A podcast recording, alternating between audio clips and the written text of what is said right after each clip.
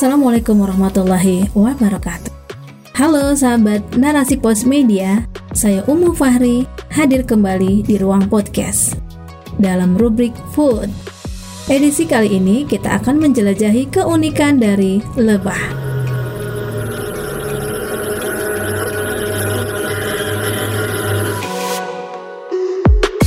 Binatang Penuh Berkah bagian pertama oleh Dia Dwi Arista. Sahabat relasi pos media, siapa yang tak kenal dengan lebah? Binatang pendengung ini terkenal seantero dunia. Bukan karena bentuknya yang besar atau larinya yang kencang, namun binatang ini terkenal karena mempunyai manfaat yang luar biasa. Bahkan Allah pun mengabadikan lebah menjadi salah satu nama surat dalam Al-Quran, yaitu An-Nahl.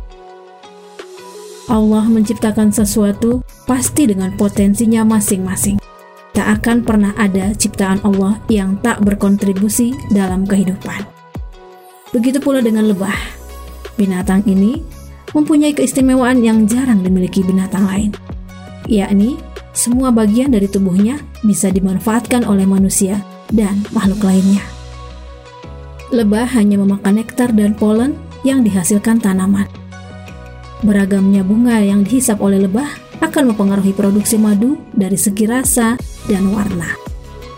Makanan baik yang tak tercampur dengan kotoran inilah yang akan menghasilkan produk baik pula. Berbagai produk lebah, bahkan lebah itu sendiri, bisa dikonsumsi oleh manusia.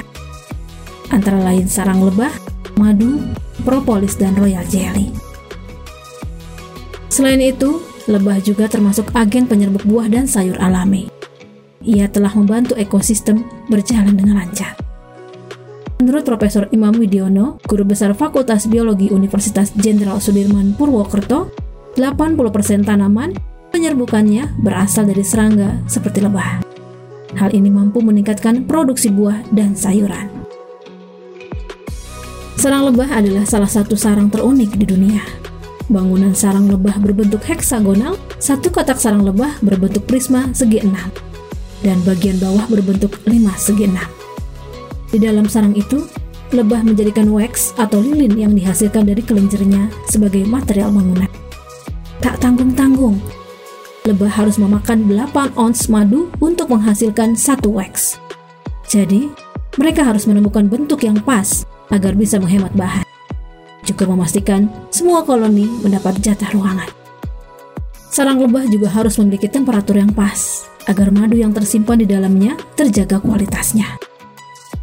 Temperatur yang dibutuhkan adalah 350 derajat Celcius. Sarang pun harus terjaga kelembaban dan kebersihannya.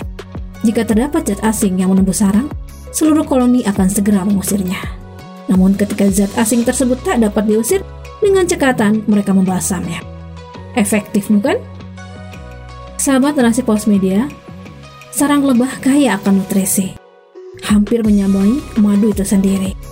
Zat yang bisa ditemukan dalam sarang lebah adalah kalori, sodium, kalium, karbohidrat, serat pangan, protein, dan lemak tak jenuh. Rasanya yang manis membuat ia disukai oleh banyak orang. Herannya, meski sarang lebah terasa manis, namun ia cenderung tak merusak gigi dan mulut. Dari rasa dan manfaatnya yang berkualitas tinggi, sarang lebah banyak diminati manusia. Di Indonesia sendiri, sarang lebah sering dimakan secara langsung maupun diolah menjadi makanan yang lezat.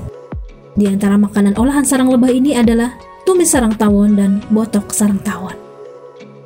Allah berfirman dalam surat An-Nahl ayat 69. Dari perut lebah itu keluar minuman madu bermacam-macam warnanya. Di dalamnya terdapat obat yang menyembuhkan bagi manusia. Sesungguhnya pada yang demikian itu benar-benar terdapat tanda-tanda kebesaran Tuhan bagi orang-orang yang memikirkan. Madu adalah instrumen penting bagi kesehatan manusia saat ini. Tak hanya untuk kaum muslim, namun seluruh umat manusia. Tak ada yang tak kenal dengan madu. Selain rasanya, khasiatnya juga lah yang membuatnya terkenal seantero dunia. Bahkan, dokter fenomenal muslim sepanjang masa, Ibnu Sina pun telah menguji khasiat yang terdapat dalam madu. Ia berpendapat jika madu bisa menyembuhkan segala penyakit dari yang ringan hingga berat, seperti demam, batuk pada anak, hingga tekanan darah tinggi dan jantung.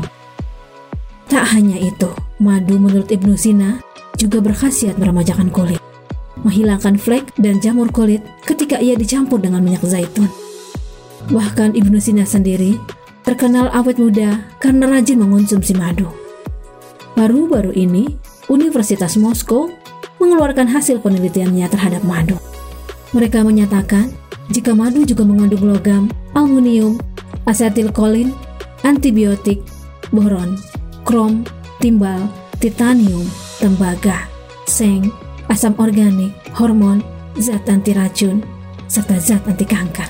Bahan populer yang sering dijadikan obat tradisional ini, menurut hellosehat.com, mempunyai beragam nutrisi, dalam 100 gramnya yakni protein 0,3 gram, karbohidrat 79,5 gram, serat 0,2 gram, kalium 5 gram, fosfor 16 mg, besi 0,9 mg, natrium 6 mg, kalium 26,9 mg, tembaga 0,04 mg, seng 0,2 gram, vitamin B2 0,04 mg, vitamin B3 0,1 mg, dan vitamin C 4 mg.